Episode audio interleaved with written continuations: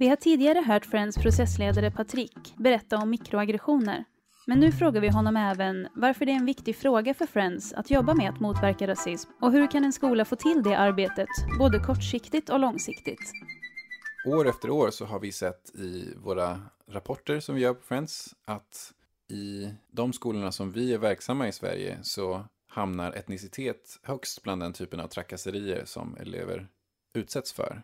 Och det här stämmer ju överens med övrig forskning som visar på att en stor del av den typen av kränkande behandling som sker i samhället har rasistiska förtecken. Så därför blir det en nödvändighet för oss som jobbar med mänskliga rättigheter att helt enkelt hitta bättre och mer effektiva sätt att jobba med att motverka rasism i skolan. För ju tidigare vi kan arbeta med ungdomar och sådana här frågor, desto bättre blir förändringen i samhället i stort.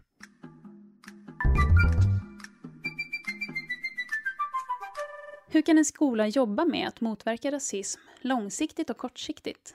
Det enklaste svaret är att säga att det handlar om att få till mer av det förebyggande men allra främst främjande arbetet i skolan. Rasistiska händelser är ju en form av kränkande behandling och vi behöver lägga en större vikt vid förebyggande och främjande åtgärder för att kunna komma åt en långsiktig förändring.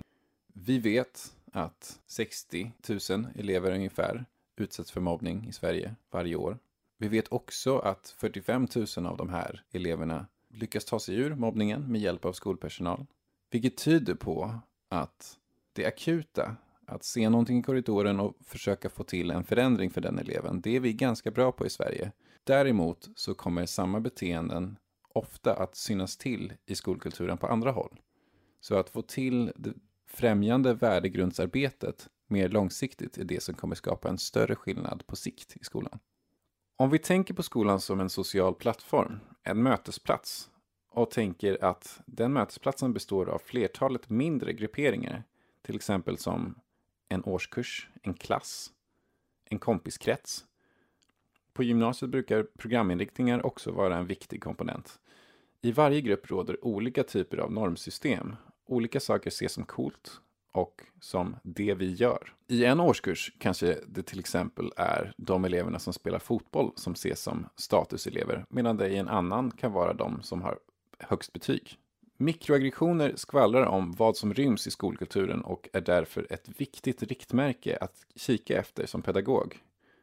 Om en elev utsätts för en rasistisk kommentar som går obemärkt förbi så innebär det att den typen av beteende är en accepterad del av skolkulturen. Om det till och med är så att gruppen runt om skrattar med den som kränkte eleven innebär det att den typen av kommentarer inte bara är accepterat utan att det premieras. Det ger alltså social status att kränka andra elever. Det visar alltså på var vi behöver lägga vårt krut när det gäller trygghetsarbete.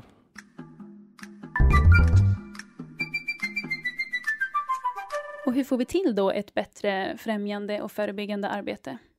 Ja, och det är ju egentligen inte så annorlunda från annat arbete i skolan. För att få till den systematiken så stödjer vi oss på det som både Skolverket och DO tipsar om. Nämligen det trygghetshjulet som jag vet att de flesta skolor i Sverige arbetar med redan. Och då handlar det om att ha en ordentlig och bra kartläggning, en bra metod för att kunna se systematiken. Så till exempel att titta på mikroaggressioner, få in rapporter om att vi har sett den här typen av händelser på flera håll i skolan. Då finns det troligtvis som en del av skolkulturen. Analysera de här mikroaggressionerna, vad har de för effekter på de personerna som utsätts? Och sen genomföra den förändring som skolan kommer fram till är nödvändig. Och sen så uppföljs det här och så börjar hjulet om igen. Så det handlar ju om det här trygga som vi egentligen känner till ganska bra i skolan redan. Men att hela tiden använda sig av den modellen för att kunna få till förändringen.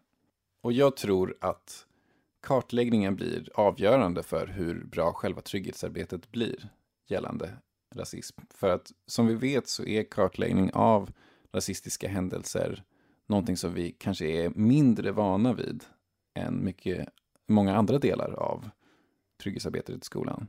Så att på riktigt kunna synliggöra de strukturerna som finns blir väldigt viktigt för att kunna gå vidare och få till en, en långsiktig förändring. Eh, och här gäller det ju att vara modiga och faktiskt öppna ögonen och låta låta oss se vad som försiggår i skolan. För att annars så kommer vi falla in i de fällorna som finns där vi väljer det trygga alternativet, nämligen att låta saker gå obemärkt förbi. Så att mod gällande kartläggning tror jag är en viktig faktor. Precis som mikroaggressioner har en negativ effekt på skolkulturen har mikrohandlingar en positiv effekt. Att som pedagog utmana sig själv och elever genom att välja exempel som utmanar rådande normsystem är ett effektivt sätt att göra värdegrunden levande. Alla namn i exemplen kanske inte behöver vara Kalle, Lisa, Andersson och Larsson, utan variationen bör kanske spegla Sverige så som det ser ut idag. På det sättet lyckas vi få till ett levande sätt att få in värdegrunden. Tack så mycket för att du har lyssnat på det här poddavsnittet som en del av Friends webbkurs om rasism. Du hittar webbkursen på friends.se och alla poddavsnitt hittar du även där poddar finns. Jag heter Patrik Konde och producent för podcasten det är Marie Alén. Mixing och klippning av Jennifer Söderlund.